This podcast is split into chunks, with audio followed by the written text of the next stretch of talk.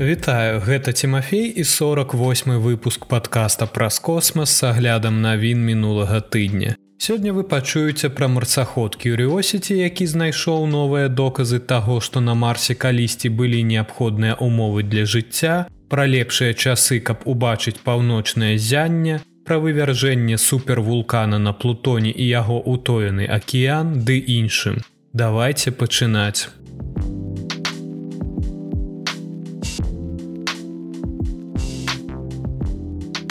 Марсаход Curiosity выявіў новыя доказы таго, што на марсе калісьці былі неабходныя умовы для жыцця. Дзякуючы спалучэнню здымкаў зробленых марсаходам NASA Curiosity, сканіраванню ападкавых парод пад мексіканскім залівам на зямлі і камп'ютарнаму мадаляванню, геолагі ідэнтыфікавалі старажытныя разбураныя эрозіі рэшткі рэк у шэрагу кратараў на марсе. Група вучоных, якая вывучае дадзеныя сабраныя марсаходам кюрыосці ў кратары гейла вялікім басейне на паверхні марса выявіла дадатковыя доказы таго, што рэкі калісьці цяклі на чырвонай планеце і магчыма былі распаўсюджаны больш чым лічылася раней. Мы знаходзім доказы таго, што марс верагодна быў планетай рэк сказаў у сваёй заяве вучоны геолог Бенджамін Кардэнас з універсітэта штата Пенсільванія і вядучы аўтар даследавання. На зямлі рэкі важныя для хімічных працэсаў, цыклаў пажыўных рэчываў і адкладаў, якія аказваюць уплыў на жыццё. Такім чынам адкрыццё новых сведчанняў існавання старажытных рэк на марсе можа стаць важнай падзеяй у пошуках прыкмет жыцця на чырвонай планеце. Наша даследаванне паказвае, што на марсе магло быць значна больш рэк, чым лічылася раней, што безумоўна дае больш аптымістычны погляд на старажытнае жыццё на марсе, сказаў Кардэнас. Ён прапануе бачанне марса, дзе большая частка планеты калісьці мела прыдатныя умовы для жыцця. Доказы існавання рэк на марсе былі вядомыя з таго часу, як першы касмічны карабель Марынер 9, які выйшаў на арбіту марса, зрабіў здымкі высахлых рачных каналаў на паверхні чырвонай планеты. Розныя марсаходы таксама выявілі мінералагічныя доказы ў выглядзе серазмяшчальных злучэнняў, якія ўтвараюцца ў вадзе. Марсаходы і арбітальныя апараты таксама выявілі хрыбты з адкладамі ў рачных рэчышчах узростам мільярды гадоў. Аднак ідэнтыфікацыя формаў рэльефу дазваляе меркаваць, што рэкі былі нават больш распаўсюджаныя, чым меркавалася. Яны ўяўляюць сабой сумесь схілаў неглыбокіх уступаў і скарочаных хрыбтоў. Раней Кюрёсці ўстанавіў, што кратар гейла шырынёй 154 кіламетра, які ён даследуе, быў калісьці запоўнены вадкай вадой. Адкрыццё таго, што формы рэльефу ўтварыліся рэкамі, зараз дае некаторае ўяўленне аб структуры воднай масы ўнутры кратара гейла.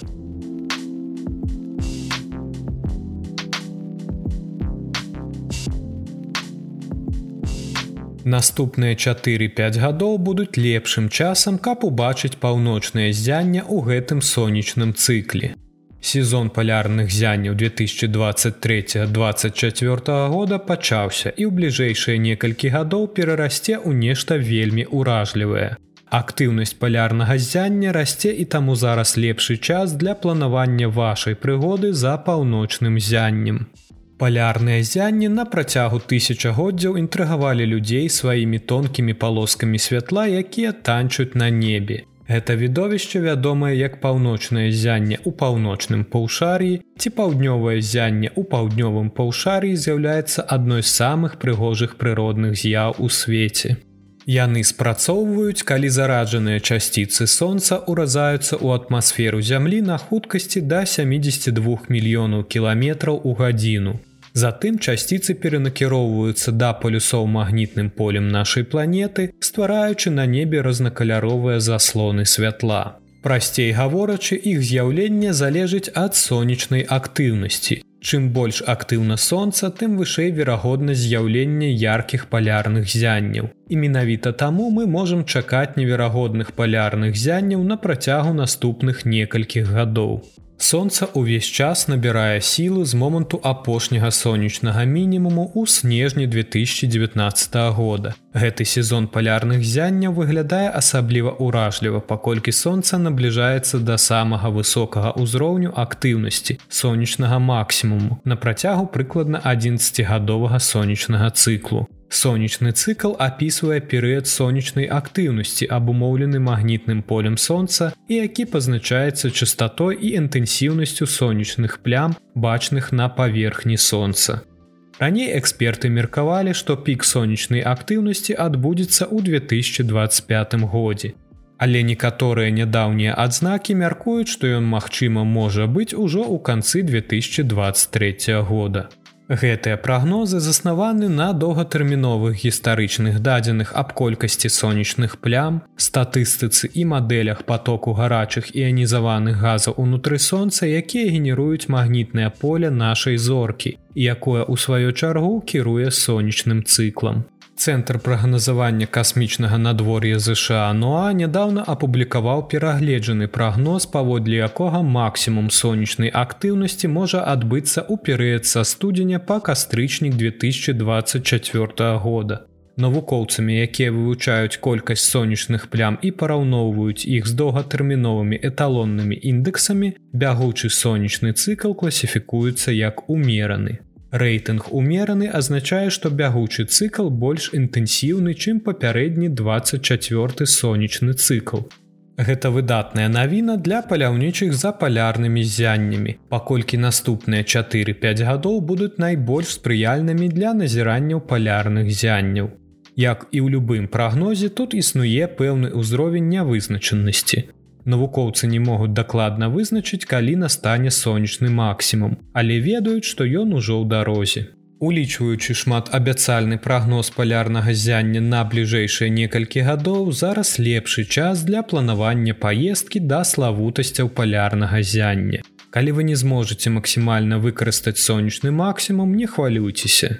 Палярныя зянні ніколі не спыняюцца. Іх можна ўбачыць на працягу ўсяго сонечнага цыклу нават у перыяды нізкай сонечнай актыўнасці. Гэта звязана з тым, што выкіды каранальнай масы ад слабых да умераных захоўваюцца на працягу ўсяго цыклу і падтрымліваюць фонавую геамагнітную актыўнасць, якая выклікае палярныя зянні. Палярныя зянні нават падчас мінімуму сонечнага цыклу ніколі не выміраюць.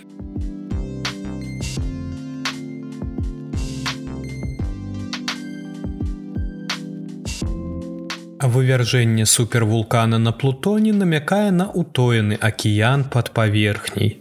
Хоць прайшло амаль 10 гадоў з таго часу, як касмічны карабель NASAа новыя гарызонты наведаў плутон, карлікавая планета працягвае праяўляць сябе як дзіўны складаны свет. Навукоўцы, якія вывучаюць дадзеная касмічная карабля аб незвычайным кратары каля яркай вобласці ў форме сэрца на плутоне под назвай спутнік платонія, кажуць, што яны, магчыма, выявілі супервулкан, які верагодна вывяргаўся ўсяго некалькі мільёнаў гадоў таму. Можа здацца, што гэта было неверагодна даўно, Але з касмічнага пункту гледжання гэта адбылося зусім нядаўна. Для параўнання сонечнай сістэме больш за чатыры з паловай мільярда гадоў.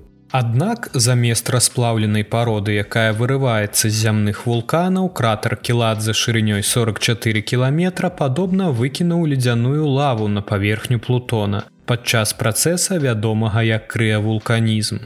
Лічыцца, што гэты працэс, які таксама прысутнічае на іншых спадарожніках газавых гігантаў у нашай сонечнай сістэме і верагодна стварыў іншыя загадкавыя ландшафты на плутоні, выштурхнуўшы ваду з утоенага падземнага акіяна на яго паверхню, змяняючы яе форму на працягу мільёнаў гадоў. Вулканам для выбуху патрабуецца нейкая крыніца цяпла. Таму нядаўняя актыўнасць на плутоне паказвае на тое, што ў сярэдзіне карлікавай планеты засталося больш цяпла, чым лічылася раней. Вучоныя прааналізавалі здымкі кратера кіладза і хоць спачатку кратер выглядаў больш падобным да таго, які б застаўся пасля удару метэарыта, у ім відаць адсутнічаў цэнтральны пік, які б застаўся ад гэтай геалагічнай падзеі. Згодна з новым даследаваннем кратар таксама здаваўся злёгку падоўжаным, што адпавядала рухам выкліканым тэктанічнымі сіламі знутры плутона. Большая частка паверхні плутона пакрыта метанам і азотным лёдам. Таму магчыма кіладзе адрозніваецца ад астатняй паверхні плутона з-за моцнай прысутнасці вадзянога лёду вакол кратара. Вадзяны лёд выразна адрозніваецца на фоне метанавага лёду, які пакрывае большую частку паверхні планеты. Паводле ацэнак навукоўцаў за час існавання плутона, які доўжыцца 4 з паловай мільярда гадоў, таўшчыня гэтага метанавага ледзянога пласта павінна была скласці не менш за 14 метраў. Нават 1 ці 2 сантыметры гэтага арганічнага пласта могуць замаскіраваць спектральную сігнатуру вадзянога лёду. Навукоўцы не да канца разумеюць, як дзейнічае крэвулканічная актыўнасць на плутоне. Планета настолькі малая, што яна даўно б страціла б усё цяпло з моманту свайго фармавання. Адна з магчымасцяў складаецца ў тым, што карлікавая планета можа ўтрымліваць у сваім ядры радыактыўныя элементы, якія даюць цеплыню пры распадзе. Хоць папярэднія даследаванні паказалі, што гэтых элементаў можа быць недастаткова для сілкавання плутона. Аднак, якой бы ні была крыніца цяпла, нешта утрымлівае падземны акіян Плутона ад замярзання. Паколькі планета астыла, цалкам верагодна, што ззаду засталіся кішэні з вадкай вадой. І магчыма, вада, якая вывяргаецца на паверхню, трапляе ў гэтыя кішэні. Але гэта толькі тэорыя. А вось тое, што ніколі не астыне, так гэта моя падзяка маім патронам, якія падтрымліваюць выхад новых выпускаў падкаста. Вялікі дзякуй усім тым, хто ўжо далучыўся. Вы заўсёды можете далучыцца і выбраць прыдатную для сябе планету. Пра штое заходзьце на патрыён і даведайцеся больш. Акрамя патрыёна вы можете скарыстацца сервісам баймі кофе. Усе спасылкі в опісанні.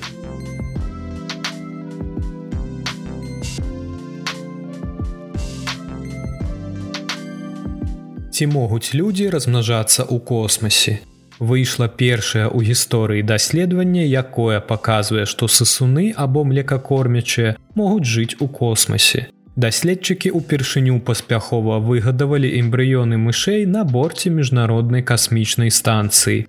Гэта першы ў свеце эксперымент па культываванні ранніх відаў жывёл на стадыі эмбрыёнаў млекакормячых ва умовах поўнай мікрагравітацыі мкс. Іншымі словамі, гэтае новае даследаванне эмбрыёнаў мышэй мае вялікае значэнне. Паколькі мяркуецца, што калі-небудзь людзі змогуць размнажацца ў космосе. Як толькі за межамі нашай планеты народзіцца першае чалавечае дзіця, мы станем сапраўдным касмічным відам. Знамінальныя вынікі з'явіліся якраз у той час, калі чалавецтва рыхтуецца вярнуцца на месяц у рамках праграмы Атэміс мэтай якой таксама з'яўляецца пасадка першай жанчыны і першага цемнаскурага чалавека на паверхню месяца да 2025 года. Месяцовая місія на паверхні паўднёвага полюсу месяца працягнецца каля тыдня. Гэта верагодна прывядзе да стварэння месяцовых лагераў. Гэтыя лагеры могуць у канчатковым выніку адкрыць людзям магчымасць заставацца ў космосе значна даўжэй у будучыні. Калі навуковая фантастычная канцэпцыя нараджэння дзяцей за межамі планеты можа ператварыцца ў рэальнасць. Але вернемся да эксперымента па вырошчванні першых эмбрыёнаў млекакормячых у космосе, які правяла тэрухіка вакаяма малекулярны біолог з цэнтра перспектыўнай біятэхналогіі універсітэта Яманасі і каманда японскага аэракасмічнага агенства. Мэтай даследавання было вызначыць, ці можа плод млекакормячых нармальна развівацца ва умовах абмежаванай гравітацыі або мікрагравітацыі касмічнай прасторы. Каб знайсці адказ у жніўні 2021 года на мкс на борце ракеты SpaceX Falалcon 9 былі адпраўлены замарожаныя эмбрыёны мышэй. Пасля прыбыцця на касмічную станцыю эмбрыёны грызуноў былі размарожаны з дапамогай спецыяльнага інструмента. Пасля гэтага астранаўты культывавалі эмбрыёны ва ўмовах мікрагравітацыі на працягу чатырох дзён. Затым узоры былі вернуты на зямлю, дзе вакаяма і яго калегі змаглі вывучыць і параўнаць іх з эмбрыёнамі мышэй, вырашчанымі ва ўмовах нармальнай гравітацыі на зямлі. І сапраўды каманда паведаміла, што эмбрыёны культываваныя ва умовах мікрагравітацыі развіваюцца нармальна. У артыкуле даследчыкі заявілі, што гэта выразна прадэманстравала, што гравітацыя не аказвае істотнага ўплыву на фармаванне эмбрыёнаў млекакормячых. Аднак выжывальнасць эмбрыёнаў вырашчаных на мкс была ніжэй, чым у вырашчаных на зямлі. Адным з аспектаў даследавання, якое камандзе трэба будзе вывучыць далей, з'яўляецца ўплыў радыяцыі на рост эмбрыёнаў у космосе. Хоць даследчыкі і разглядалі гэтае пытанне, яны не ўлічвалі радыацыйнае ўздзеянне на этапах крэакансервацыі і культывавання жывых эмбрыёнаў. Усе гэтыя веды могуць у канчатковым выніку стаць вельмі важнымі для людзей. Калі мы нарэшце пачнем думаць аб адпраўцы людзей на месяц і марс для працяглага знаходжання ці нават сталага пражывання.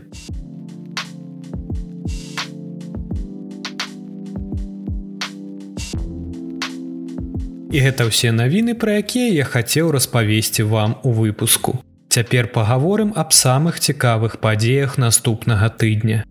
9 лістапада SpaceX запусціць місію CRS-29. Гэта місія камерцыйнай службы забеспячэння на міжнародную касмічную станцыю. Місія заключана па кантракце з NASAа і будзе выконвацца кампаніяй SpaceX з выкарыстаннем карга Драган на ракете Falалcon 9. Карга Драган даставіць карысную нагрузку, уключаючы крытычна важныя матэрыялы для непасрэднай падтрымкі навуковых і даследчых эксперыментаў, якія праводзяцца на борце арбітальнай лабараторыі. 9 лістапада месяц асветлены на 16соткаў будзе каля венеры. Планета ўзыдзе раніцай за две гадзіны да ўзыходу сонца. Абодва аб'екты будуць бачныя няўзброеным вокам. У той жа дзень назіральнікі з Еўропы, Грэнландыі, Афрыкі і Азіі убачуць, як месяц пройдзе перад венерай. Гэта падзея называецца пакрыццём. Яго можна назіраць толькі ў пэўных кропках зямнога шару. У ноч 17 па 18 лістапада нас чакае пік Леонид. Леаніды лепшы метэорны поток лістапада, які дае да 10 метэораў у гадзіну. На шчасце сёлета умовы для яго назірання спрыяльныя. Меторны поток адбудзецца падчас месячнай фазы растучага сярпа. Таму наш натуральны спадарожнік не перашкодзіць вашым назіраннем. Перыяд актыўнасці 6 па 30 лістапада. Назіраць леаніды можна з любой кропкі зямлі. Аднак убачыць больш маляўнічае відовішча змогуць жыхары паўночнага паўшар'я. Для назірання за меторным дажджом трэба знайсці на небе сузор'е льва, у якім і знаходзіцца радыянт. Кропка на небе, з якой вылятаюць метэоры. Сузор'е льва ўзыходзіць каля поўначы на ўсходзе. Позна ўначы сузор'е відаць на паўднёвым усходзе.